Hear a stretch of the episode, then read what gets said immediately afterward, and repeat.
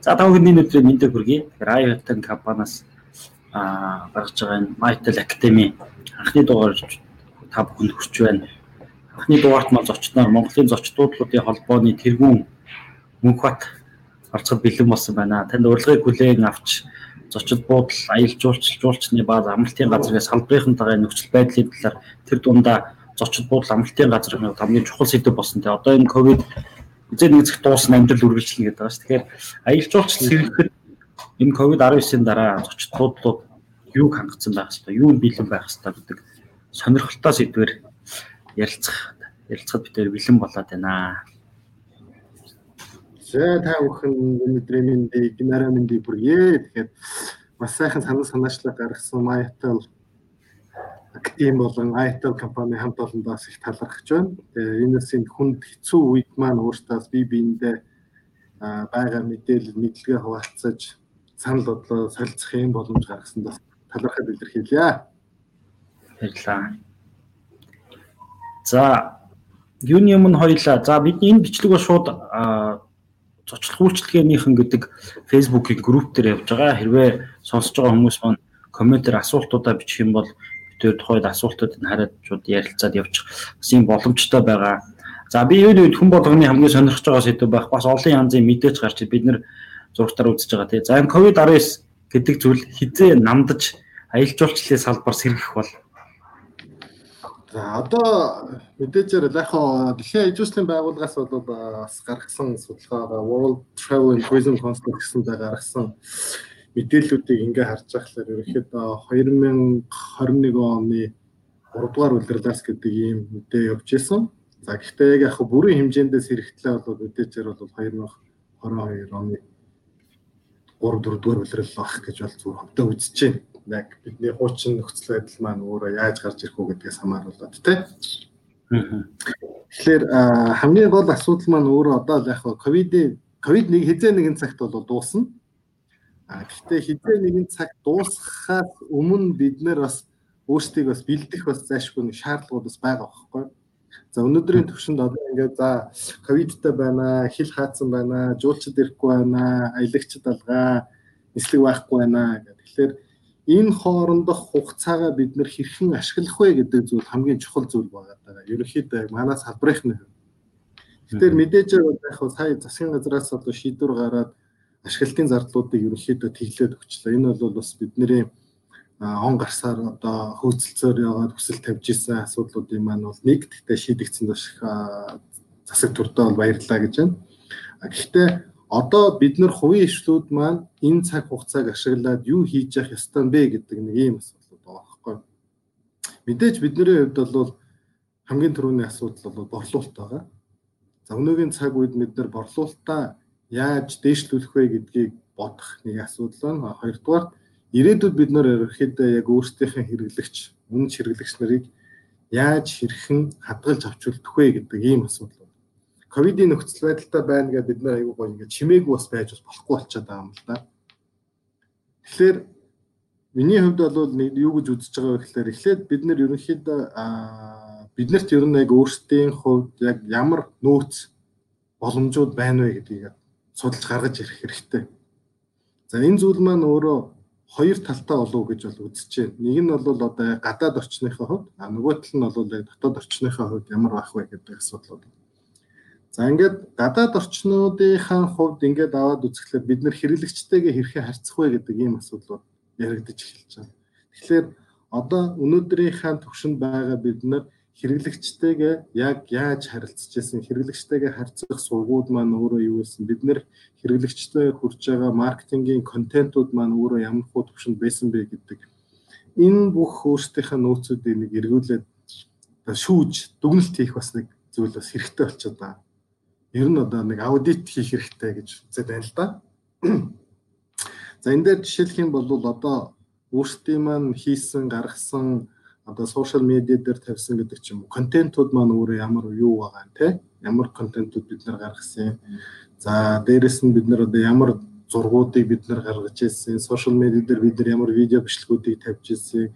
Ямар презентац тавьж ирсэн? Ямар дата шитүүдэд бид нэр тавьж ирсэн те. Тэгэхээр эднийгээ бас нэг эргээд нэг ингээд нэг анализ хийгээд дүгнэлт гаргаад аль чиглэлийн аль видео, аль контентууд маань өөрөө хэрэглэгчд илүү их хүрч исэн юм байна вэ гэдгийг бас нэг шалгачих хэрэгтэй. За нөгөө талаар бас бид нарт бас имэйлээр бас эргүүлээд өөрсдийнхээ харилцагч нар руу бол мэдээлэлүүд хүргүүлж ирсэн байгаа. Мэйлээр харилцаж ирсэн байгаа. Тэгэхээр энэ мэйл яг харилцаан дээр бид нар аа юу яах хэрэгтэй вэ? Илүү их анхаарад за бидний явуулсан мэйл санал пропозалууд дээр хэн ямар хариу өгч ирсэн юм бэ?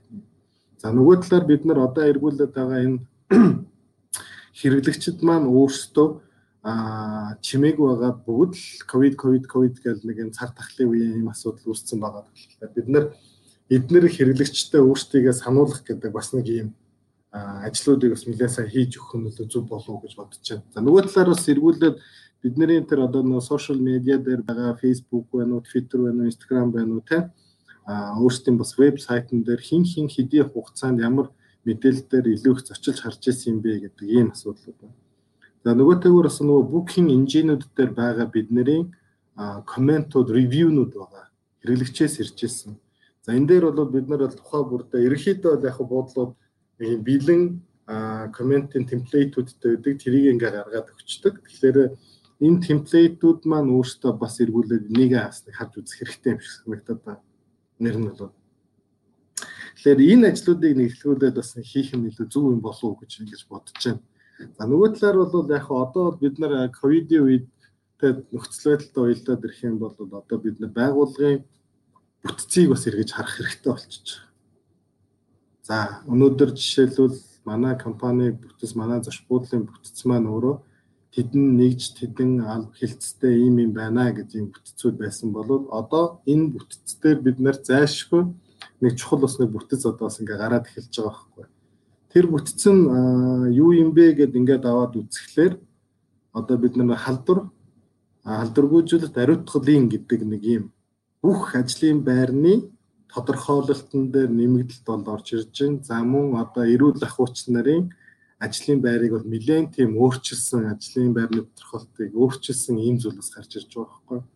За үүнийгээ дагаад ирэхлээр бид нэр ариутгал халдваргүйжүүлэлтийн тийм SOP буюу одоо стандарт operation procedure гэдэг ийм зүйлүүдийг бид нар бас бэлтгэх хэрэгтэй болчихж байгаа. Ер нь.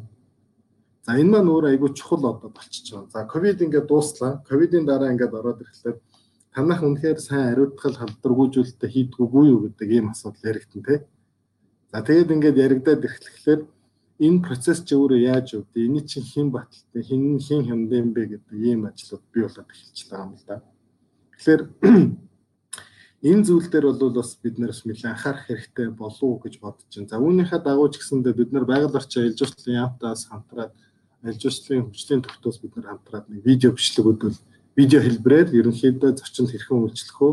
Энэ дүрм журмыг яах дагах уу гэдэг бол ерөнхий дүрс бичлэгүүдийг бол хийж гаргасан байгаа. Тэгэхээр энтэйгээ бас уялдуулаад одоо бид нар за ресторан зоогийн газрынхаа хувьд ч гэсэндээ мөн нөгөөтэйгүр одоо цаашлаад нөхцөлөд сайхан болоод ирэхлээр бид нар хуралд хүлээн авалтын банкетуудын асуудлууд гараад ирнэ. Тэгэхээр энэ үед бид нар энэ үйлчилгээний стандартыг хэрхэн барих вэ гэдэг ийм асуудлууд бас гарч ирнэ л да. Тэгэхээр энэ маань өөрөө яг бидний хувьд бол харьцангуй их тийм цоо шин Бөгөөд хоёрдугаарт нь бол бидний тухайн зочид буудалд ажиллаж байгаа хүн бүрийн анхаарах ёстой зүйл болоод ирчихэж байгаа.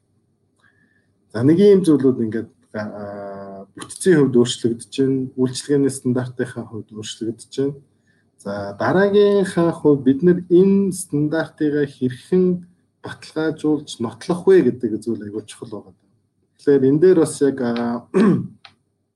одоо бид бүхэн та бүхэн бас санаачлаг гаргасан бид бүхэн бас ингээ хамтраад ер нь яг ковид ингээ дууслаа. Ковид дуусаад ирэхлээр ер нь яг энэ зочд буудал, энэ амралтын газар, энэ жуулчны бааз энд байрлахад сейв үгүй юу гэдэг асуудал гарч байна. Энийг хэн баталгаажуулах вэ гэдэг ийм дүрм журмыг бид нар зайлшгүй байгаль орчин аялал яам болон нийслэлийн аялал газар хувийн хвшлүүд мэрэгжлийн хяналтын байгууллага одоо бас эрүүл мэндийн яамтаас бид нар хамтарч гарах ёстой. Үүгээр бид нар эргүүлээ дараагийнхаа ковидын дараа ирэх зочдод бид нар шаардлага тавина. Үүнээсээ гадна зочид маань өөрсдөө биднэрт бас шаардлага тавьж ингэж ирэх болов уу гэж бодож байна ер нь. Нэмэр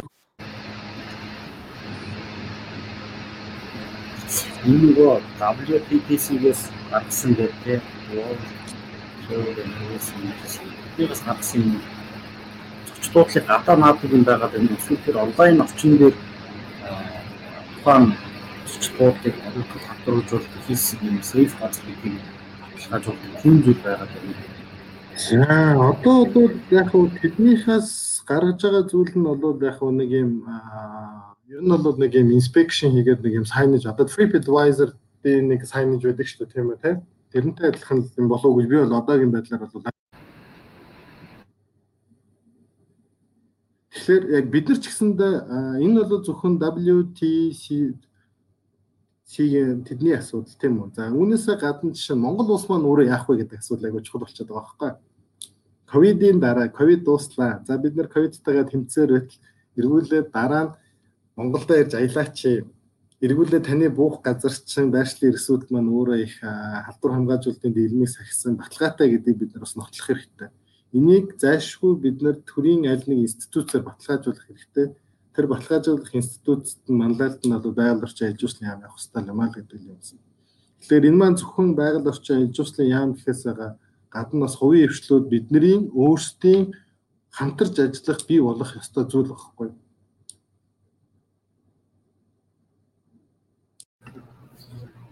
Бас тийм байна. Чи одоо нэг өвөрмөц юм уу юм байхгүй болоо ш тэр тодорхой цэвэрлэгээ юм дээр ариутгал хамтрагжуулалт тэр тэгээ стандартаа бид нар дотроо мөрдөөд А тэр стандартын дагуу тухай хяналт шалгалтууд яваад тэр тэмдэг тэмдэглэгээ гадна талдаа ч гэсэндээ хүмүүс ирэхэд байрлуулсан байдаг. А нөгөө талдаа онлайн захиалгын суг юмуд авах гэсэн. Одоо бид нар бас гадны энэ зочдууд захиалгын системүүдийг бид нар судлаад үзэнгүүт зарим орнуудын систем дээр одоо энэ бол ингээд ариутгал хамтруулж хийгдсэн гэсэн тэмдэглээнүүд яваад байгаа байхгүй. Тэр яалтчгүй Тэгээ нөгөө дундаас ингээд харангуут тэр нь арай юм сейв санагдаад илүү аюулгүй санагдаад байгаа тийм юм билээ л дээ. Одоо бол яг ингээд ингээд шүү дээ. Одоо ковидын дуусаад ирэхлээр одоо TripAdvisor дээр болон ингээд одоо Booking дээр байна. Одоо GDS-үүд дээр байгаа шүү дээ. Үнэлгээ өгдөг тийм үү? Энэ үнэлгээ чинь хэрэглэгчийн үнэлгээ өгөхөд бол одоо нөгөө ариутгал халдваргуйжуулалт цэвэрхэн байдал гэдэг үнэлгээ чи айгүй чухал болоод эхэлчих واخхой. Одоо бол урд нь бол яг бид нар яг энэ ариутгал халдваргүйжүүлэлттэй холбоотой онлайн дээр байдаг юм ба clean lines гэж үүдэг тийм үү? Цэвэрхэн байдал тийм А үүнээсээ даваад одоо дахиад гэх юм бол яг энэ safe гэдэг ийм зүйл. Safe гэдэг аюулгүй байдал гэдэг маань зөвхөн цэвэрлээд ариутгал хамгаалалт хийгээхээсээ гадна тухайн зочд буудал энэ чиглэл дээр ямар урчилсан бэлтгэлийг хангасан бэ гэдэг ийм зүйл болно. Энэ дээр жишээлхэн бол одоо Marriott зочд буудлынхан Hilton-гийнхэн бас ингээд сүлжээ зочд буудлынхан бас хэрэглээд эхэлсэн байлаа да. За мэдээж бидний нөгөө мэддэг зочин ирэхэд гарын тэшийн нариутах нь тий За бүгд маска зүүцсэн байна. Хэрвээ зочин шаардлагатай гэвэл маск өгөн, гарын нэг удаагийн бэлий өгөн. За үүнээсээ гадна нөгөө гутлын улыг болон гутлыг ариутгах гэдэг ийм систем бий болоод эхэлсэн байгаа байхгүй. За тэгээд таны өрөөг ийм бодисоор, ийм ариутгалаар, ийм дистралаар таны өрөөг цэвэрлсэн.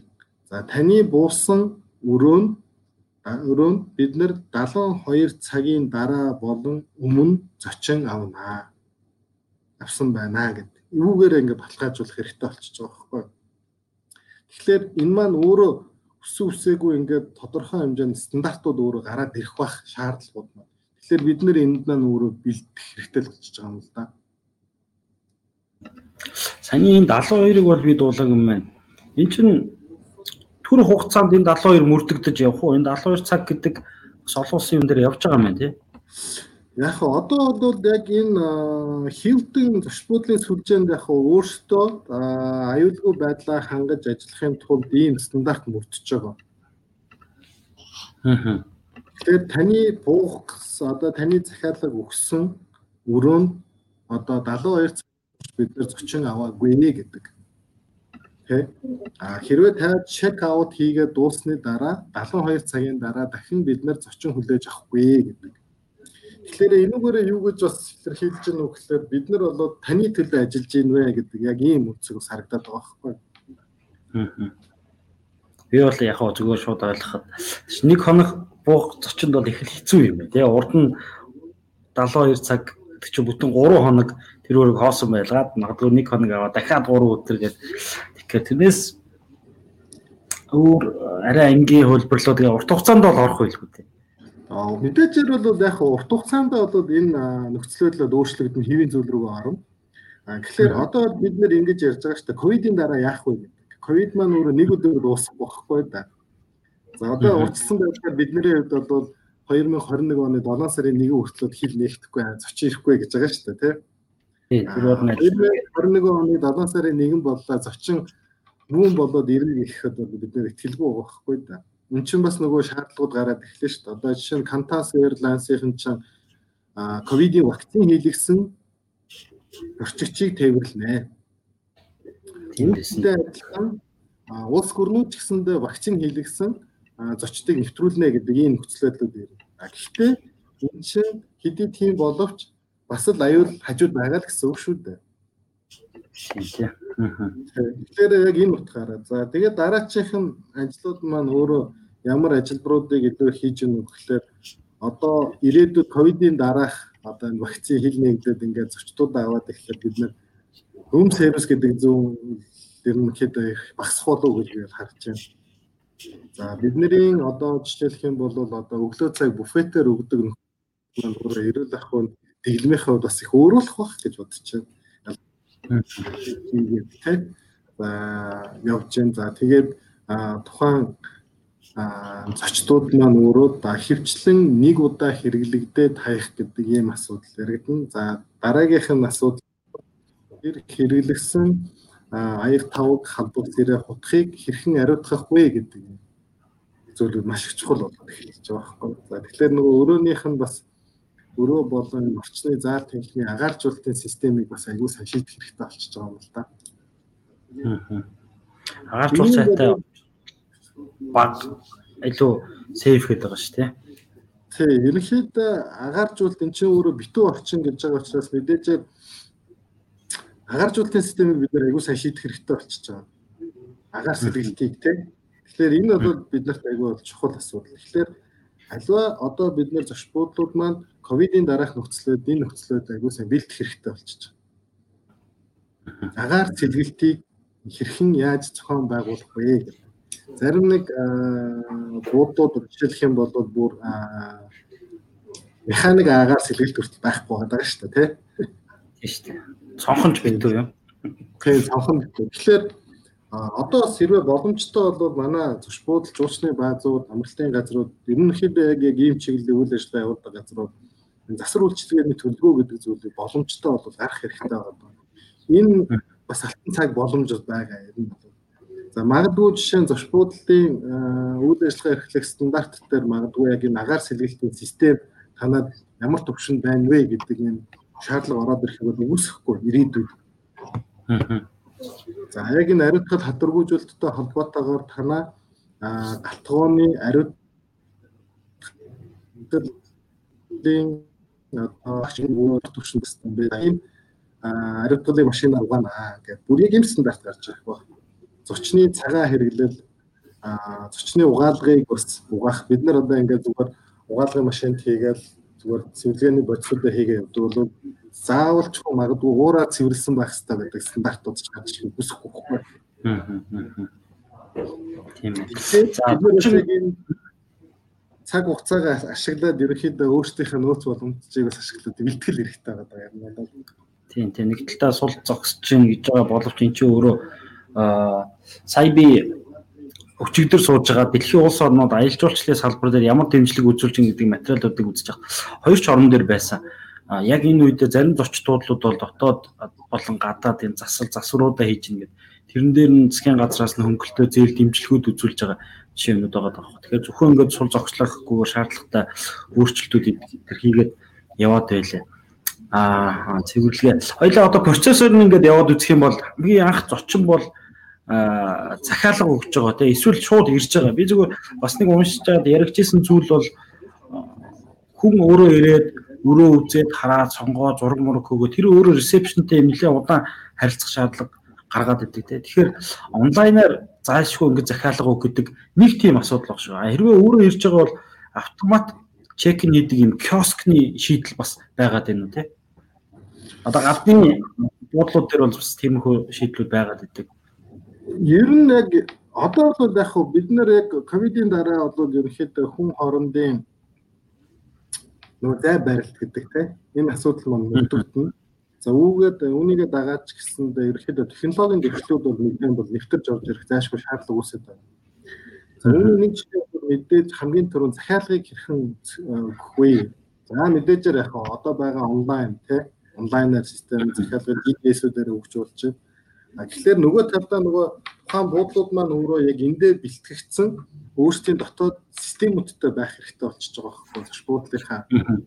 Мэдээж одоо Шангрила энэ томоохон зоч буудлууд бол өөрсдийн гэсэн бүртгэлийн систем одоо өрөө удирдлагын системүүд гэх юм уу те ийм системүүд байгаа одоо Fidelio гэдээ ашиглаж байгаа, Opera-г ашиглаж байгаа, Delphi-г ашиглаж байгаа бох те.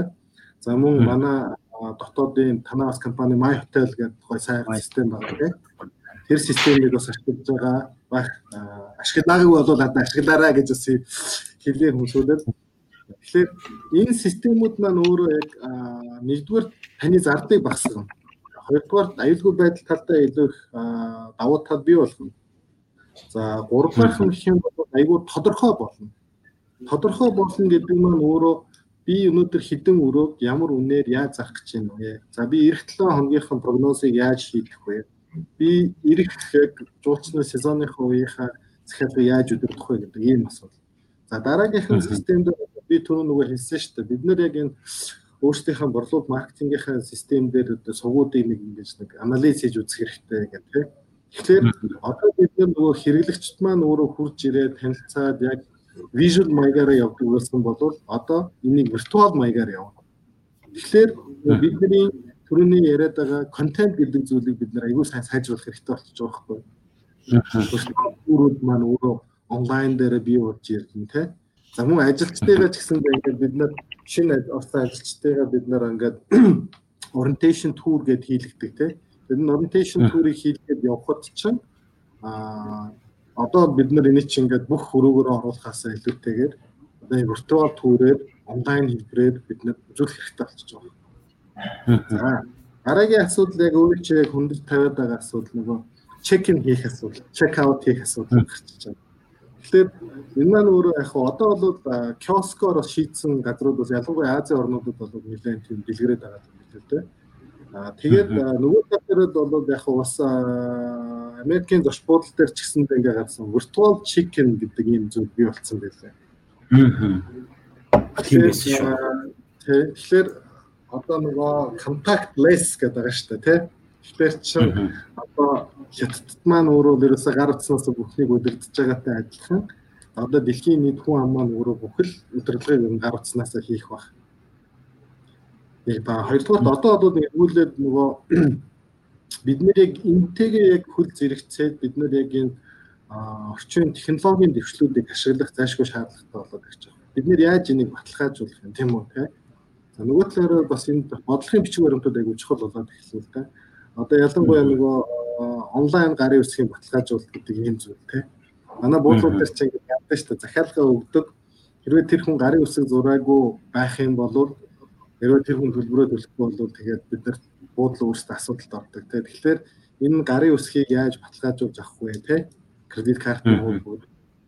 Тэгэхээр энэ дээр бас нөгөө тухайн хүний одоо онлайн тэр гарын үсгийг яаж хүлээж авах яаж баталгаажуулах гэдэг дөрвөн зургийг бас хийх хэрэгтэй л болж байгаа. Тэгэхээр энэ маань өөрөө бас нэг банкны системүүдтэй бид нар банкудтай бас сайн ажиллах хэрэгтэй болно л доо. Тэгэхээр би бас яг үзчихсэн ингэж байгаа байхгүй. Аа захиалга өгсөний дараа тухайн хүн дээр мессеж байгаа. Мессежерэн дээр нь оронгууд нэг аппликейшн байгаа байхгүй. Тэгээ аппликейшн дээр дараад нөгөө хүн чинь одоо зочдууд пассворд өгөхтэй болдог. Тэгээ пассвордны копигаа зургийг аваад явуулчихж байгаа. За тэгэнгүүтээ нөгөө зочдлуудл дээр яваад очих тухайн очихоос нь өмнө хэдэн номерын өрөөнд орохын тийшээ яаж орох гэдэг зааврууд мэрчиж байгаа байхгүй. Тэгээ нөгөө хүн чинь ороод өтөс ресепшнтэй харилцахгүйгээр өрөөнд очиод өрөөнийхөө хаалгыг бидний одоо дийлэх гар утсан дээр iPhone хідээс хойш гэдвэл ерөн сүүлийн бүх гар утсан дээр байгаа энэ NFC гэд шийдэл байгаа даа. Зайнаас одоо Apple Pay дээр ашигладаг тий төлбөр тооцоо хийдэг. Тэгэхээр яг шийдлээ ашиглаад шууд өрөөндөө орчиж байгаа байхгүй. Тэгэхээр тэр чинь receptionтэй ямар ч юм харилцаа бид нар ч тэнцээ юм амрах гэж юм уу унтах гэж юм уу те эсвэл үзэх гэж оцсон хүмүүс болохоос тэр хүнтэй харилцах гэж бол очоогүй шүү дээ. Тэр чинь бол юм дагаж гарч ирж байгаа. Тэгэхээр тэр хүнтэй харилцах хэрэгцээ шаардлагуудыг нь бүгдийг нийлүүлээд өвдөж гар утсаар шийдчихэж байгаа. Тэгэхээр тэр reception-д ямар ч юм харилцах шаардлага болчихж байгаа. А гадны хувьд болохоор credit card баталгаажуулалт болгож аваад тэрүүгээр нь ямар нэгэн асуудал хугацаа татаж болдог юм хөлбөр байгаа.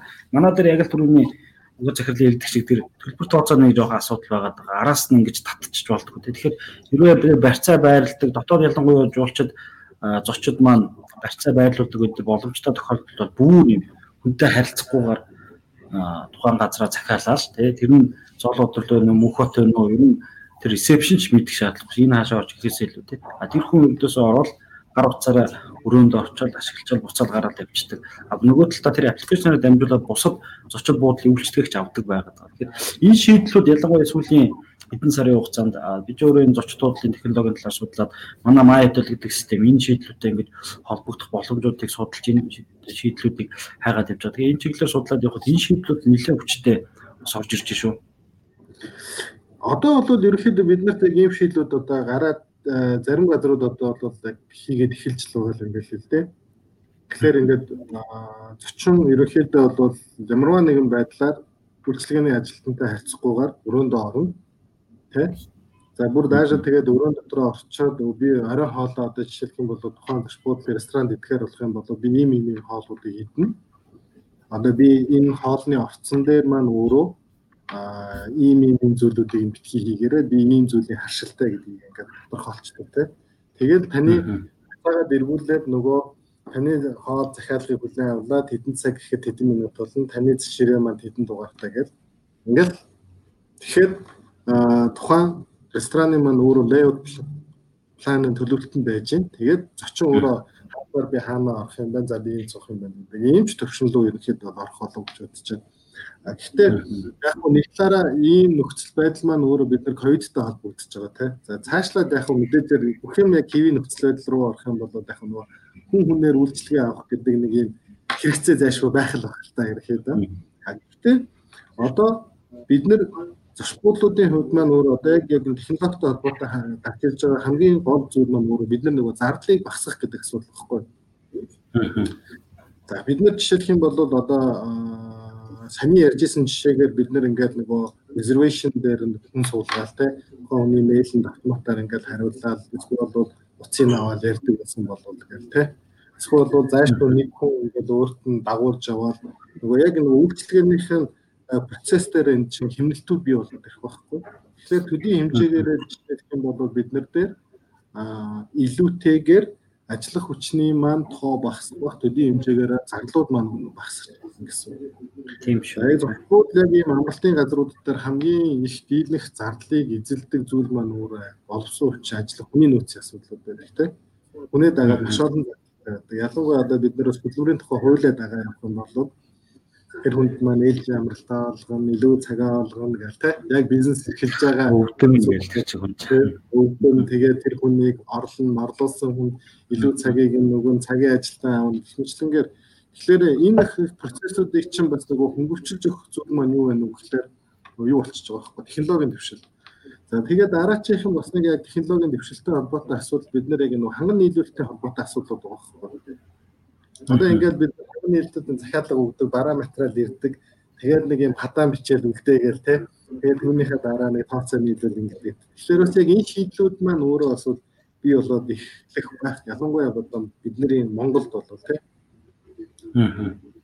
Тэгэхээр тэр бараа энэ нөхцөл байдлыг бий болохлээр ер нь бол зайлшгүй одоо би түрүүн ярьсан бид нар яг энэ зоч буудлын өөрийнх нь бүтцийг өөрчлөх хэрэгтэй баха гэдэг тийм дотоод зохион байгуулалт. Компани энэ дотор чинь заавалч нэг IT-ийн юм уу эсвэл одоо энэ технологийн мэрэгжилтэн нэг биш 2 3-аараа хэрэгтэй болчихж байгаа байхгүй да тийм яг нэг талдаа IT-ийн хүн байх хэрэгтэй мэт боловч нөгөө талдаа одоо шийдлүүд их энгийн болоод байна л да. Зүгээр манай MyTel гэдэг системийн гэсэндээ яг хүмүүс Facebook хуудас өөртөө ороод мэйл юугаа оруулаад хийж байгаа юм шиг нийгээд Аа тэгээд тэр нь booking агуудаатай холбогдоод Facebook-оор дамжуул захиалгах тэр боломжнууд нь илүү нээлттэй энгийн болгодог руугаа явж байгаа. Нь өмнөд технологиуд илүү ойлгомжгүй байсан бол одоо бүх энэ технологиудыг хүнд хамгийн хэрэгцээтэй өдөрт мойр болохоор ашиглаж байгаа шиг тэр хөгжүүлэлтүүд бүх юм системүүд дээр бас яваад байгаа шүү. За Монголд зочд буудлууд маань хизээ үйл ажиллагаагаа нээх бол хэцүү асуулттай. Зүгээр мэдээж бид хоёрын ярьж байгаа тий одоо ковидын дараах зочд буудал гээд зарим талаараа цаанаасаа тодорхой олгоцсон стандарт дүрмүүд байгаа. Зарим зүйлүүд бол таамаг тий нэлээд урт хугацаанд ч хэрэгжиж магадгүй зүйлүүд байгаа. Тэгэхээр бас нэг таамаг л хоёлаа. Хүмүүс их асууж байгаа болов. Аа мэдээжээр зүгээр 7 сарын 1 гэдэг хугацаа тавигдсан байгаа тийм үү? Энэ нь өөрөө олон улсын аялагч зочдуудад хувьд хамааралтай зүйл байгаа шүү дээ, тий. За яг одоо яг хамгийн түрүүний асуудал гэд үзэх юм бол сая засгийн газрын шийдвэр улсын онцгой комиссийн шийдвэрээр бол зоч буудлын маань амралт сувлийн газруудыг бол нээгээгүй шүү дээ. Тэгс нээгээ. Тэгэхээр энэ хизээ нээх үү нээгдэхгүй гэдэг асуудал маань үндсэндээ яг энэ салбар бизнес эрхэлж байгаа биднээс бас хамааралтай зүйл байхгүй юу. Түрүүн би хэлсэн шүү дээ. Бид нэр өөрсдөө зочин авахд бэлэн бид нар ийм норм стандартыг мөрдөж ажилланаа гэдгийгээ бид нэр биесээр баталгаажуулж авах хэрэгтэй байхгүй. За тэгэхээр бид нар өөрсдөө нэг санаачлах хэрэгтэй. Мэн дээр бас одоо манай холбооны зүгээс бас санаачлаг гаргаад ихний ажлуудад явж байгаа. Тэгэхээр энийг бид нэр өөрсдөө хийгээд явах юм бол бид нэг цагаан сарын дараа гэх юм бол ихний хэлсэн бид нар ингээ хэвийн гормонд ажиллах боломжууд бий болох болов гэж бодож байна. Мэдээж яг улсын онцгой комиссараас бол шийдвэр гаргаж авчих болох гэж бид нар бичиг сачгаа дөрөв жагуудаа ингээд хэлэхэд байх л та. Гэхдээ зөвхөн тэр нийлгэх гэдэг утгаараа биш эргүүлээд ирээдүйд бид нар өөрсдөө хүлээж авах зочиндоо бид нар ингэж үйлчлэх гэдэг энэ зүйлийг Миний өөрийн хоёрын бодол бол мэдээж 7 сарын гэдэг хил нэгдэх юм. Би бол ер нь бол нэг 9 сар болов гэж бодож байгаа юм харж байгаа хоо. Тэр явж байгаа. А зүгээр дотооддоо үйлчлэх хэмжээндээ зочдууд л ойрын хугацаанд нэгдэх болов. Бид нар би бас тэр мөнх цагтаа бид нар бас ярьж байгаа зочдуудын бодлогын холбоотойгоо хамтраад бас манай төрийн байгууллага утасанд дэвсэн зочд буудал амралтын газар жуулчны баазуудын бизнес эрхлэгчдийн ингээд ийм нийтлэгээ байгуулсан. Тэгээд бид нэр өөрсдөө бас энэ зочд буудал гэдэг ямар нэгтэлтэй одоо их аюултай харагдаад байгаа ч байгаа. Тэгээд Америкийн хийсэн судалгаа байсан те Техасын эрүүл мэндийн төвөөс илүү те. Ингээд нийт аюултай байдлаар ингээд 10 ангилаад үтсэн зочдууд бол 3 дээр явж байгаа байхгүй. Зочдууд бол бусад энэ ресторан, бусад одоо спортын тэмцээн уралдаа зүгээр спорт төр хичээллэх ч юм уу тэр зүйлүүдэд харьцуулахад эрсдэл нь маш бага байгаад байдаг. Тэгэхээр бид нар бас энийг маш сайн ойлгуулахгүй бол бусад төрлийн үйлчлэх юмдаг нээцээ зочдуудлыг ингээд түр хоошоо хоошоо гэдэг ингээд тавиад иж магадгүй юм шиг. Тэгэхээр бас бид нар а манай энэ зочдлуудын группүүдээр явж байгаа зочдлуулжуулчны бааз амралтын газрын бизнесүүдийн нөхцөл байдлын судалгаа гэдэг энэ дээр бас зочдлууд маань судалгаа бөглөө санаа оноогоо өгчих юм бол сая 1300 байгууллагаас судалтай ажилтны дахин санал аваад судалгаа аваад за яг энэ хөл хорой тий өндөржүүлсэн бэлэн байдал бизнес хэрхэн нөлөөлж байгаа гэдэг тухай явсаад яг аялал жуулчлалын салбар бол дэлхийд даяараач харсан энэ ковид 19 гэдэг цар тахлын цар тахлаас болж хамгийн өндөр одоо орлого алдж байгаа тий ийм салбар байгаад байгаа. Тэгэхээр бид нар энэ зочдууд амралтын газар бид нар ямар хэмжээний хохирол амсаад байгаа юм бэ? Бид нар юу тулж байгаа юм бэ? Яг энэ салбар дээр онцлоод бас тодорхой хүмүүст нь хүргээд а нөгөө талдаа энэ бол ийм аюулгүй бид нар сая мөнхөд захирал бас баялыг бид нар ийм зүйлийг өөрсдөө хийж чаднаа те бид нар ийм ариутгал халдваргүйжүүлэлт ийм гормнуудыг баримталж чаднаа гэдгээ бид нар өөрсдөө цаашаа бас хэлж байгаа тэгээд арай эрт нөх юм боломжууд бас байгаа юм болоо гэж хараад байгаа. Тэгэхээр та бүхэн тэр судалгаа дээр бөглөө бас групп дээр нэгдэх юм бол болж байгаа. А фейсбુકээр үзэж байгаа хүмүүс маань шууд комент бичих юм бол комментээр бид хоёр хараад тэр тухай шууд ярилцаад явж бас болж байгаа шүү. Асуух зүйл, санал хүсэлтүүд байвал та бүхэн мөн комментээр бичээрэй. Одоо би бол энэ завшааныг ашиглаад бол бид нар өөрсдөө одоо яг хамтраад хүн зочдод гэлтгүүгээр ерөнхийдөө яг энэ lodging industry гэдэг яг юм байршуулах, байршуулах хэрэгсэл юм одоо тийм. Яг ийм чиглэлд бол бид нэгдээд ерөнхийдөө яг энэ стандартуудыг бий болох хэрэгтэй байхгүй. Аа мэдээж жишээлх юм бол сая Улсын онцгой комитетээс гарсан шийдвэрийг би бол яг хоёр талаас нь ингээ харж байгаа юм да. Бид нэр аюулгүй гэдгээ баталгаажуулж болно. Хоёрдугаар юу гэхлээр нөгөө сектурын фундаттай холбоотой сектурын фундаагаар үйлчилж байгаа газрууд ч өөрөө 10 цагаас ингээд хаачж байгаа шүү дээ, тий. Тэгэхээр нөгөө яг бид нар маань өөрсдөө эргүүлээд нөгөө дараагийн цэг рүүгөө нүүдэлчих болов гэдэг ийм боломжлол байсан болов гэдэг ийм зүйл байгаа байхгүй да. А тэрнээсээ бидний хувьд бол бид нар яг энэ эрсдэл айгүй багтаа шүү гэдгийг бол мэдээж нөхдүүд өөрсдөө мэдэж байсан. Бид нар ч мэдээллүүдийг өгсөн. Тэгэхээр а бидний энийг нөгөө нотлохын тулд бид нар за жишээлх юм бол нөгөө сая бас нэг тохиолдол гарсан шүү дээ. Буудалд хин орж байгаа яаж бүртгэлжүүлэх үү? Бид нар яг энэ стандартуудад хамтраад бий болох хэрэгтэй болчиход байна. За зочныг ярихад бүртгэлийн систем хин хин ямар улсууд яаж яаж буусан бэ гэдэг тийм. Тэр топаз за тэр нэг зочдуудл төр хүн орж гарсан гэдэг яг үнэндээ Караконд бол өндөр халдвар авсан гэж байгаа. За бусад зүйлүүд дээр ингээ халдаа халдаа. Тэр зочдуудлууд дээр сайн тал нь тэр дотор алдаж тарж явлаа гэж бол мэдээ гараагүй. Тэгэхээр тэр өөрөө илүү аюулгүй энийг баталгаа болгож. Хоёрдугаар тэр өөрөө тухайн газар орж гарсан хүмүүсийг одоо нэг юм QR код тавиад тэн дээр очиод уншуул гээд би нэг 2 3 газруудаар орсон. Гэхдээ нэг газар л намайг та энэ чек ин хийгээд энэ чинь ирсэн гэдгээ баталгаажуулаад гэж бус газруудад бол тийм байхгүй даа. Тэгэхээр энэ ч өөрөө бас нэг шийдэл байгаа даа. Тэгээ хүмүүс орж гарах юмудаа бүртгүүлээд зөвхөн стандарт дээр байгаа шүү дээ. Захиалга гэж тухайн зочдуудтай байрлаж байгаа хүмүүс бүртгэлээ хийлгэхтэй. Тэгэхээр араас нь ингээд олон нийтийн мэдээлэл хэрэгслээр тэр буудлаар орсон хүмүүс гараад байгаа ч захимжтай. Тэр чинь өөрөө энэ технологийн шийдэл нь тэг би орсон юм аа гэлтэй шүү дээ. Тэгэхээр шийдэл нь өөрөө бас байгаа. Тийм. Тэгэхээр яг одоо л ингээд шийдлүүд ингээд байгаа байхгүй да. Зүгээр ингээд байгаад байгаа зүйлүүдийг бид нар ингээд тал талдаа ингээд нэгдээд хамтраад нэвтрүүлээд ажил болгоод бид нар стандарт албаасаар шинжилчих хэрэгтэй юм байна л да.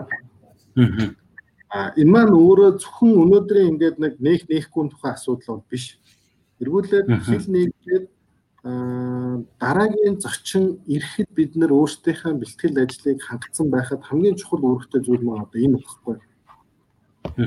Магадгүй бид нар өөрсдийнхээ яг яг ариутгал халдваргуулжуулалтынхаа асуудлуудыг бид нар нөгөө Дэлхийн эрүүл мэндийн байгууллагаас гаргасан зөвлөмж байгаа. Тийм тэрийг бид нар яг ягшталт мөрөнд баримтлаад энэ дээрээ бид нар яг одоо энэ цаг хүчээ ашиглаад өөрсдийнхээ ажилчдаа бид нар сургаад тийм хэрэглэгчээсээ бас бид нар та ийм процессор хэрвээ манадаар үйлчлүүлэх юм бол ямар боломжууд байна гэдэг ийм судалгаагаа аваад ингээд бид нар явах юм бол харин 7 сарын 1-нд бид нар жишээлх юм бол 21 оны 7 сард хил нэгтгэхэд магадгүй биднэрт энэ айгу бүүн болох хэрэгтэй байхгүй. Яг тийм бол оо Монголын зочд буудлууд чинь амралтын газрууд жуучны баазууд маань өөрөө ийм зөвлөмжийн дагуу ийм стандартаа гаргацсан юм байна, ийм баталгаажуулалт хийдэм байна. Та ирээд байрлах сейф шүү гэдэг те. За үүнийг эргүүлээд бид цагаад хамтраад кампайн хийх хэрэгтэй байхгүй. Байгаль орчин аялал жуулчлалын яам засгийн газартаа хамтраад энэ салбарт ажиллаж байгаа улсуудынхаа хамт болоо тэгжиж бид нэр ковидын дараах нөхцөл байдал ямар хөө төвшөнд очих вэ гэдгийг л бодох хэрэгтэй болчихж байгаа байхгүй аа одоо бид нэр цар тахал хэрвээ дотооддоо алдаагүй байсан бол бүр илүү гоё өнгөтөр ярьж болох байсан тий. Монгол бол ийм илүү сейф газар юу гэдэг байгаль юутайгаа ойр уучраас гэдэг нэг тийм гоё гоё видеонууд гарсан шүү дээ. А тэгээд тэдгээр бид нар бол бас тооны хувьд бол бус орнууд арчуулах зөөхөн байгаа учраас цар тахал дуусахад бид нэр бус хүмүүсийг бид нар бол илүү сейфээ дотоодоо юм алдсан тоо бол маш бага ч гэдэг юм. Ингээд бас татах боломжууд бол байгаад байгаа. Би бас өчигдөр тэр олон улсын туршлагууд уншиж маш олон орнууд гадаадын болон дотоодын жуулчдын эргэж сэргээх тэр хөдөлгөөнийг бий болгох салбарын орлогыг нэмэгдүүлэхэд одоо энэд явуулж илээ л дээ. Тэр нь юу вэ гэхээр аа жишээлбэл зарим орнууд болохоор гадаад жуулчд нь тодорхой захиалга хийцэн байх юм бол тэр захиалгуудын дөрвөн журам гаргаа баталгааж жуулчдээ. Жишээлбэл би юу гэдэг Сингапур руу захиалга хийсэн байдаг. Тухайн захиалга хийсэн тур компани ч юм уу зочдууд нь үйл ажиллагаагаа зогсоолоо боллоо бол тэр миний захиалгыг баталгаажуулдаг. Эсвэл мэдээж одоо нийслэг байхгүй ч очиж чадахгүй. Тэгэхээр тэр хатуу нөхцөлийг зөөлөн болгож өгдөг. Тэрийг нь дараагийн удаа шилжүүлэх боломжтой болдог. Тийм нэг зүйл байгаа. Хоёрдугаар дотоодын иргэдэд татврын зарим орнууд бол татврын нөхцөл байдлаар зарим орнууд болохоор шууд иргэдтэй юм ваучер өгөх маягаар тий жишээлбэл Италих байсан аахгүй 500 еврогийн ваучер өгөөд Итали орнуудын дотоод аялахын боломжоор хангана. Тэгэхээр бид нар бас энэ дотоодоо зочдууд амралтын газрууд нээвэл яаж вэ? Хоёрдугаар гадаад хэлнийгээд эхлүүл яаж сэргээх үү гэдэг талаар бас тодорхой кампайн буюу одоо хөдөлгөөн тий акц хэрэгжүүлвэл бас зүгээр юм шүү. Яг би одоо ингээд дахиад хэлэх гээд байна л да. Ерөнхийдөө бас санал нэг байна тий. Бид нэр акцуудыг хийж болно. Акцуудыг зайлшгүй хийх хэрэгтэй, кампайнуудыг хийх хэрэгтэй. Гэхдээ бид нар нөгөө хамгийн гол суурь юм маань өөрөө бид нар бид нар сейф шүү гэдгийг л баталгаажуулах хэрэгтэй байхгүй юу? Яг нь нэг Монголд ингээд гарцсан бол гарцсан. Гэтэ эргүүлээд хил нэгээд гаднаас орж ирж байгаа хүмүүс маань өөрөө дахиад аваад ороод ирэхийг мэдэхгүй шүү дээ, тий.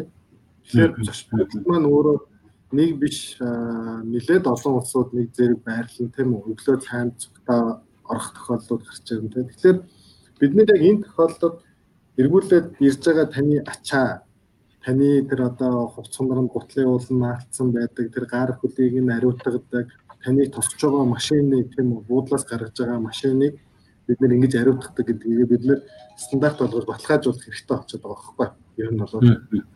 Тэгээд энийхээ дагуу бид нэр энийг чинь бид нар видео бичлэгүүдийг хийж болно шүү дээ. Тэгээд блогуудыг тавина тийм үү Бид нэр ингэж хамгаажуулалтаа хийж байна тий. За таныг ингээд ороод ирэхэд чинь бид нэр гарын чи хариуцах нь таны өрөө төрөний ярдын нөгөө 72 цагаас дараа таны орхоос өмнө 72 цагийн өмнө зочин бол авахгүй гэдэг тий.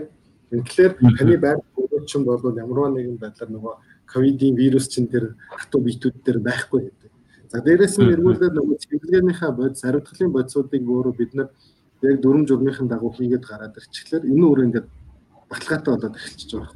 Тэмчиж бид нар за та нарыг бид нар хүлээж авахд бэлэн болцсон шүү гэдэг кампайныг одооноос эхэлж хэдүүлээ хамтарч яал гэж яриад байгаа. Тэгэхээр бол бид нар ийм стандарт журмуудаа айгүй сайн баталгаажуулаад албан ёсоор нэгэ ч гэсэндээ бид нар WTTC-ийн тэр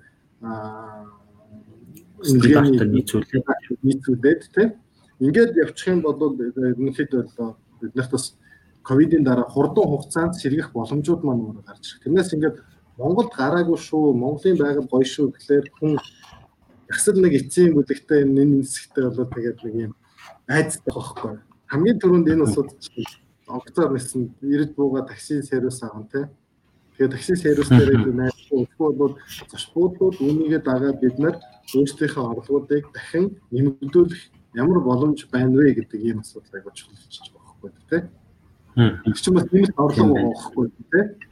Тэгэхээр эргүүлээд ерөнхийдөө зөвхөн тухайн буудлынхаас бүхий үйлчилгээгээ л аваад явна гэсэн үг. За гадар за өөр яах юм бол гадар гадуур гараа зөөрийн газарт хоолоо идэхгүй эсвэл буудлынхаа ресторан бид нар хоолоо идэхгүй гэдэг хүнд тий. Энэ найдвартай газар. Тэгэхээр тэр хэмжээгээр бид нар ингээд нөгөө үнэлгээгээ сайжруулаад стандарт сайжруулад явчихлаар илүү дээр болов уу. Тэгэхээр Ковидын дараа яах вэ гэдэг асуулт бол ерөөсөө л яг юм болчиход байгаа байхгүй. Бид нэр ингэж ийж бид нэр кампайн хийж ийж аа өөрсдөө баталгаатай найдвартай сейф гэдгийг ойлгуулж ийж тэгжиж бид нар бол зочтой болж байгаа тийм. А тэгээд энийг чи ингээ паркетны яг хамтарч өстой хийх өстой зүйл юу вэ гэхлээр бид нар энэ стандартаараа тулгуурлаад ажилчтай одоо бид нэр сургах ажлууд бас байгаа байхгүй. Зөвхөн одоо байгаа үйлдвэрийн ажилчдыг сурахаасаа гадна бид нар хэрэглэгчтэйгээ яг одооноос эхлээд бид нар харилцаж эхлэх хэрэгтэй болно тий. За танд юу өсч байна, танд ямар айдас байна. Тэгээд за бид нар ийм ийм стандартууд одоо ингээ хэрэгжүүлж байна, ингэж ингэж баталгаажууллаа гэдэг тий. Хин бодвол илүү айгу хурдан хугацаанд ингээ бид нар recover хийж чадах байх гэж үзэж байна. За энэ нэг асуулт ирсэн байна гаргаад үзлээ. За нэр нь харагдахгүй байна энэ системд. Дэлхийн аялал жуулчлалын холбоо олон улсын зочид буудлууд зочид буудлын байгууллагууд иймэрхүү нөхцөл байдалд SOP энэ COVID situation хэрэгжүүлж гисэн болов дэлхийн стандарт гэж байгаа юу гэж байна. SOP гэдэг нь стандарт operation procedure л бол та. Тийм тийм. Тэгэхээр яг дэлхийн аялал жуулчлалын байгууллагад бас чинь зөвлөмж өгж байгаа шүү дээ. Дэлхийн эрүүл мэндийн байгууллагаас ч хүртэл одоо яг юм 5 6 хуудас хөө яг юм зөвлөмжүүд байгаа байхгүй. За энэ яг нөгөө хатуур гарахаас нэгдүгээр үе шаттай байгаа. Эрсдэл нь аа гарахаас өмнө ариутгалыг яаж хийх вэ? Тэ ямар стандартаар явах вэ гэдэг тэ. А дараачихын нөхцөлд ерөнхийдөө яг урьдчилан сэргийлэх яг юм нөгөө бусадтайгаа яаж хамтран ажиллах уу гэдэг яг. Тэгэхээр энэ стандартууд байгаа. Гэхдээ бид нэр стандартыг тэднийг ингээ гаргачлаа гоо шууд аваад бид нэр өөрсдөн дээр шууд хэрэгжүүлж бас болохгүй. Энэ маань өөрөө бас бидний өөрсдийн хүчин чадал тийм үү байгууллагын чадамж нөөц байршлууд гэдгээс хамааруулаад бид нэр өөрсдийн болгож бас утгшуулах зайлшгүй шаардлагатай байгаа байхгүй. Тэгэхээр юу чинь тэр дэлхийн стандартуудыг бид нэр ингээд аваад тавих юм бол нөгөө талд нөгөө бид нэр зардлаа хэмнэн гэжсэн чинь одоо зочдлууд дээр илүү гарч ирж байгаа зүйл нөх юм бол зардлын өсөлт байгаа байхгүй нэ. Ариутгал хадваргуйжлтыг холбоотой. Тийм байсан. Энэ зардал чинь ингээд өсөж явчихж байгаа байхгүй. Энэ бол зайлшгүй байх зардал болчихж байгаа байхгүй. Тэгэхээр бид нэр энийг ер нь бол өөрсдөө бид нэр бас төгшүүлж авах нь зүйтэй. Гэтэ утгшуулаад авахдаа би энэ хамгийн гол зүйл хэлээд байгаа зүйл гэхэлээ бид нар адреесээ баталгаажуулаад энийгээ хий дахин түгэх хэрэгтэй гэдэг. Баталгаажуулалт хийсэн. Тэгээд бид нар кампайн хийх хэрэгтэй байхгүй да тий. Сая Airbnb-гийн хойлонгийн дуусах хугацаа одоо нэг 7 минутын дараа болж байна. Сая би Airbnb гэдэг компани хувьцаа гаргасан. Airbnb бол бас аялал жуулчлалын салбар дотроо бас том тоглогчдын нэг болсон тийм богино хугацаанд гэсэн. Тэгэхээр хувьцаа гаргаад хувьцааны ханш нэг хоногийн дотор 117 хувиар өлөө дээ.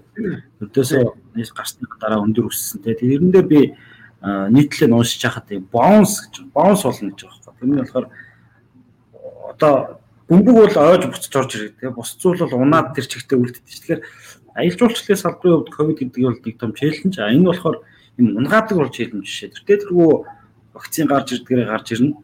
Тэгээ буцаж бол өсөж босч ирнэ. А яг вакцин гарч ирээд хилүүд нэгдэхэд шууд 50% нь аялна гэдэг ийм судалгаа гарсан юм байлээ. Google дээрээс байгаа. Шууд 50% нь аялна. А дахиад маш богино хугацаанд сэргэн мөн 2009 оны эдийн засгийн ямарлаар нэг уналт үзүүлсэн байдаг тийм. Тэгээд тэр чинь өөрөө нэг 2 жилийн тэгэхээр тэрнээс магадгүй хурдан хугацаанд ингэж сэргэж магадгүй гэдэг тийм статистик тоонууд гараад ирлээ. Тэгэхээр бид нар бол гадна жуулчтай ирэхэд зочдуудалч тэр ер нь жуулчин ирэхээс явах хүртэл бүх процессыг илүү найдвартай баталгаатай аюулгүй халдваргажуулалт хийгдсэн гэдгийг л гарах хэрэгтэй мэ тий. Тий. Ер нь бол яг одоо ингээд бид нар ковидын дараах нөхцөлөд гэдэг сэдв явж байгаа шүү дээ. Тэгэхээр яг ковидын дараах нөхцөлөд болохоос өмнө бид нар нэгдүгээр өөрсдийнх нь бэлтгэх хэдэн зүйлүүд байна тий. Ялангуяа бид нар өөрсдийнх нь борлуулалтын асуудлуудыг сургуудыг яаж ашиглах вэ? Орчин үеийн технологиудыг бид нар яаж ашиглах вэ? Аа дээрэс нь бид нар яг өөрсдийн халдвар ариутгах хамгааллынхаа бид нар стандартыг яаж бий болгох вэ те үүнийгээ яаж бусдаар хүлээн зөвшөөрөх үү гэдэг асуудал байгаа байхгүй да. А хэрвээ жишээлх юм бол одоо бид нар энэ маань өөрөө хүлээн зөвшөөрөгдөд явчих юм бол хүмүүсүүд аяллаа гэж 50% нь аяллаа гэж бодоход хаашаа аялах уу гэдэг асуудал нэгдүгээр тавигдах байхгүй. Нэгдүгээр тэгэхээр маш олон сонголтууд гараад ирнэ тийм. Тийм тийм. Магадгүй хөгжингүү орнууд байна. Одоо жишээ нь зүүн өмнөд Азийн орнууд байна тийм. Индонез, Тайланд ажилч маш өндөр хөгжсөн. Эдгээр чинь бас стандартуудаа аягүй сайн мөрдүүлээд эрхийг бүүн хятад байх бай тийм. Тэгэхээр бид нэр энэ дээр яах вэ гэхлээр бид нар өөрсдийнхээ одоо энэ аюулгүй сейф шүү гэдгийг л хамгийн түрүүнд баталгаажуулж одоо кампейн хамтарч яа л гэдэг байхгүй да. Тэгэхээр бол бид нар маш богино хугацаанд ерөнхийдөө айгүй сэргэлтийг хийж чадах байх бүүн болох байх. А түрүү яг нөгөө Airbnb-ийн асуудлыг ярьж байлаа те хувьцаа ингэж өссөн гэдэг. Тэгэхээр магадгүй яг энэ дээр жишээлхэн бол нөгөө эргүүлээ зочдууд л одоо яг энэ зурсны байдлууд дээр энэ нөлөөлөхгүй нөлөөлөхгүй юу гэдэг юм асуудал бас гарч ирэх байх л та тийм ихэвчлэн хувийн оролцоотой газрууд бас жижиг хэмжээний газрууд бас энэ дээр нэг тэгэхээр зах зээлийн хувьд гээд үзүүлэх магадгүй тэд нэг 5 6% эзлэх болов уу гэж бодож байна энэ зочдлууд эндээс хэмжээнээс хамаарч магадгүй зочдлууд энэ шинжилгээг хийх бас тодорхой төсөв юу гарна да. Тэгэхээр мэдээж энэ шинжилгэүүдийг хийхэд бид нар стандартаа гаргаад за бид нэр энийг чинь бэлэн болгоч бид нар үүнийхээ дагуу бид нар хөнгөлөлтөө зээл өгчээ гэдэг асуудал санхүүжилтийн асуудал ярих хэрэгтэй байна. За энэ жишээлбэл бид нар баталгаажуулаад явах юм бол магадгүй дэлхийн банкны дэлхийн ажилчдын байгууллага дэлхийн банктай хийсэн гэрээнийхэн үр дүнд бид нараас хөнгөлөлтөө зээлийг бас боломжууд бас байна. Аа Монгол захирал бас надад нэг хэлчихсэн. Хөнгөлтөө зээлд зочдуудад хамрагдах тийм боломж бүрдсэн байлоо. Бүрдсэн. Одоо жидүүд манд хайдаг та жидүүд өмнө бол байдаг байсан тийм. Өмнө бол яг хуу бас байдаг байсан. Одоо бол яг энэ дээр бүр аяж ус туш буудал гэдэг ингээ заагдаад ороод орцсон байгаа. За нөгөө талаас бас хөнгөлтөө зээл гэдэг байгаль орчин аяж услын яам дээр бол бас нэг тодорхой хэмжээний хөнгөлтөө зээлийг шугамуд бол нээгдэд ирсэн байгаа байхгүй. Тэр жилийн өстөө тэгэхээр яг энэ асуудлууд маань өөрөө бол яг материалуудаа бүрдүүлээд тэр хас банк, хаан банк тэн дээр очиад явуул ер нь боломжтой болцсон. Аа магадгүй маргааш тэр зочдуудлууд зочдуудлууд энэ бусад орнууд аялал жуулчдын салбараа яаж дэмжиж байгаа гэдэг нийтлэлийг би бас жоохон хариулгыг гаргачих гэж бодод байгаа. Тэгэхээр тэр нийтлэл гарах нь бас их сонирхолтой кейсүүд гарч ирэх. Магадгүй бид нэр одоо энэ аялал жуулчлалын салбар зочдууд амралтын газар бусад орнууд яаж дэмжиж байгаа. Одоо одоо төрийн бодлого гаргаж байгаа хүмүүсийн зүгээс яа дэмжих боломжтой гэдэг шийдлүүд энэ харагдаж магадгүй гэж боддог. Тэгэхээр зочдууд маань салбарын маань бас тэрийг дэмжиж өгөөрэй. Солиотор захирал байдаг эдгээр ингээд нэг албаас өнөөдөр бас нэг юм тохирчуд бас их зүгээр юм болов гэж бодлоо зүгээр ах. Яг одоо бид нэр яг энэ хизээ яаж сэргээх үү те? Бид нар ямар боломжууд байна гэх сая жишээлбэл өөрөө чи ярьж байгаа бас боломжууд байна те?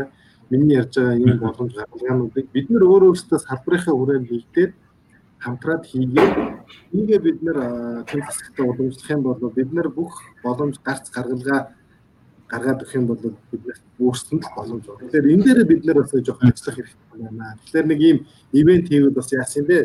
Бас олоолаа нийлээд ийм хурал шийдлүүд гаргах те. Тийм тий. Бас тэгж болно. Тодорхой цаг тавуулж байгаа онлайнаар бүгдээрээ уулзаа тий. Тэр бас хэцүү шүү. За энэ ч нэг асуудал орж ирж байна. Бүх үйл ажиллагаа хүний оролцоогоо болоод эхлэхээр ажилгүйдэл гэсэн асуудал гарнаа. Зөвхөн буудлууд ямар шийдэл хүрэх болоо гэж бүх ажиллагаа хүний оролцоогүй болно гэж бол одоохондоо би бодохгүй байна. Зүгээр Ойрын хэдэн жил болоод бодлоо. Ялангуяа зүгээр яг манай аялжууч болон зочбуудлын салбарчин хүн дээр хүнээр хийдэг бизнесчүүд бай. Тэ? Яг тэгэхээр нэг юм хүнд нэг юм өөрийн гэсэн айгүй гоё мэдрэмж авдаг байхгүй хүн чинь ингээд Тэгчээ технологитой ингээд Тэр одоо ямар тохиолдолд болоод яг тийм судалгаач гэсэндээ байгаа шүү дээ. Хамгийн сүүлд үлдэх нь болоод одоо аа энэ үйлчилгээний байгууллагуудтай байна гэд тэ. А энэ болохоор яг хоо эхний чинь шилжих зүйлүүд бол 100% гадны зарим нэг буудлууд нэг тийм байдаг. Зөвхөн одоо цэвэрлэгээ үйлчлэхний хүмүүс байж байгаа хүмүүс ингээ автоматар орж. Энэ бол зарим нэг буудлууд энэ дээр бас нэг хүн яг энийг бичсэн байсан. Энэ тэгээ лоо хотел системд илүү тохирохна гэж бид хоёр нэг ярьжсэн шүү дээ. Хүн ер нь онлайнаар захиалга хийгээл очиж киоскноос юмнууд аваад ороод гараад эсвэл гар утсаар ашиглаа явчихдаг гэдэг шиг. Тэгэхээр зарим нэг буудлууд төр ийм зүйл байгаа. Аа өндөр зэрэглэлийн юм уу одоо энэ зочд буудлууд төр зайлшгүй нүний харилцаа байсаар байна. А зүгээр технологи ямар үед илүү орж иж тэгэхээр технологи бол илүү а олон үйлчлэгийг автоматжуулах. Жишээлбэл одоо бид нэр борлогчтой борлуулалтын бүх сугаал ашигламаар байна шүү дээ. Reception дээр, утсан дээр, мэйлэн дээр, Booking, Expedia, Agoda, Itel тий Facebook ч юм. Тэгэхээр бүгд бүх сувгуулж ашиглаад ирэхээр тодорхой хүний юм 8 9 сувгийн зохицуулт хийхэд зэрэг захиалга орж ирэл яах вэ гэдэг. Миний ч өөрөө хүн машин биш учраас тэр болгон чадахгүй шүү дээ. Тэгэхээр ийм үед л автоматжуулах гэдэг талаас бас орж ирж байгаа тийм. Яг хөө тий. Яг одоо энэ чинь үйлчлэгээний процессыг дээр ерөнхийдөө автоматжуулалт аягүй орж ирээд байгаа байхгүй? Зайшгүй бол хүн хийн. Гэхдээ яг хөө тухайн хүний ажлыг хөнгөвчилж өгөх зохиолдлууд байгаа юм л да. Тэгэхээр энэ чинь яг нөгөө процесс дээр бид нар автоматжуулалт хийгээд хүчлээр илүү даваа талууд бий болов. За бидний ярилцах цаг дууссан байна. Үнтэй цаг зав гаргаж бидний урилгыг хүлээж аваад мөн салбарынхантайгаа одоо бид нар чинь нэг одоо юу болох нь тодорхойгүй юм нөхцөлөдөлд байгаа даа тийм салбарынхантайгаа энэ ковидын дараа аялал жуулчлал зочдууд төр дундаа зочдууд жуулчны бааз амралтын газруудад ямар өөрчлөлтүүд гарах юм тэрэн дээр бид нар яаж бэлдэх тухай нээлттэй ярилцсан тань маш их баярлалаа. Тэгээд сая энэ сүүлийн коммент бас байна. Ивэтийг дэмжиж байна шүү гэж бид нар сая эргээд ярьсан шигээ тий. Бид нар одоо зочдуудын холбоо маань аа сая би бас сүүл санд тийш энэ жидүү жидүүг энэ зээлийн боломжуудыг бас холбож гаргаж өгсөн. Саяны бидний дахиад автаад хэлэхэд засгийн газраас өчигдөрхөн гаргасан шийдвэр энэ аж ахуй нэгж байгууллагуудын тодорхой зардлуудыг ашиглалтын зардлуудыг төрөөс даахыг бол бүр өмнө ихнээс санаачилж ажиллуулгууд ингээд явжсан өнөөдөр үр дүнгээ өгсөн байгаа. Тэгээ зочд дуудлын холбооныхондоо бас баярлаа. Мөнхөд захиралтай баярлалаа. Хамтарч ажилласан та бүхэндээ бас маш их баярлалаа. Бас сайхан санаа санаачлаг гаргасан байна. Тэгээд олон зүйлүүдээс одоо ингээд эхлэл эхлийн олон зүйлийн эхлэл болж өгж байгаад бас маш их баярлалаа. Тэгээд та бүхний ажилд өндөр амжилт хүсье.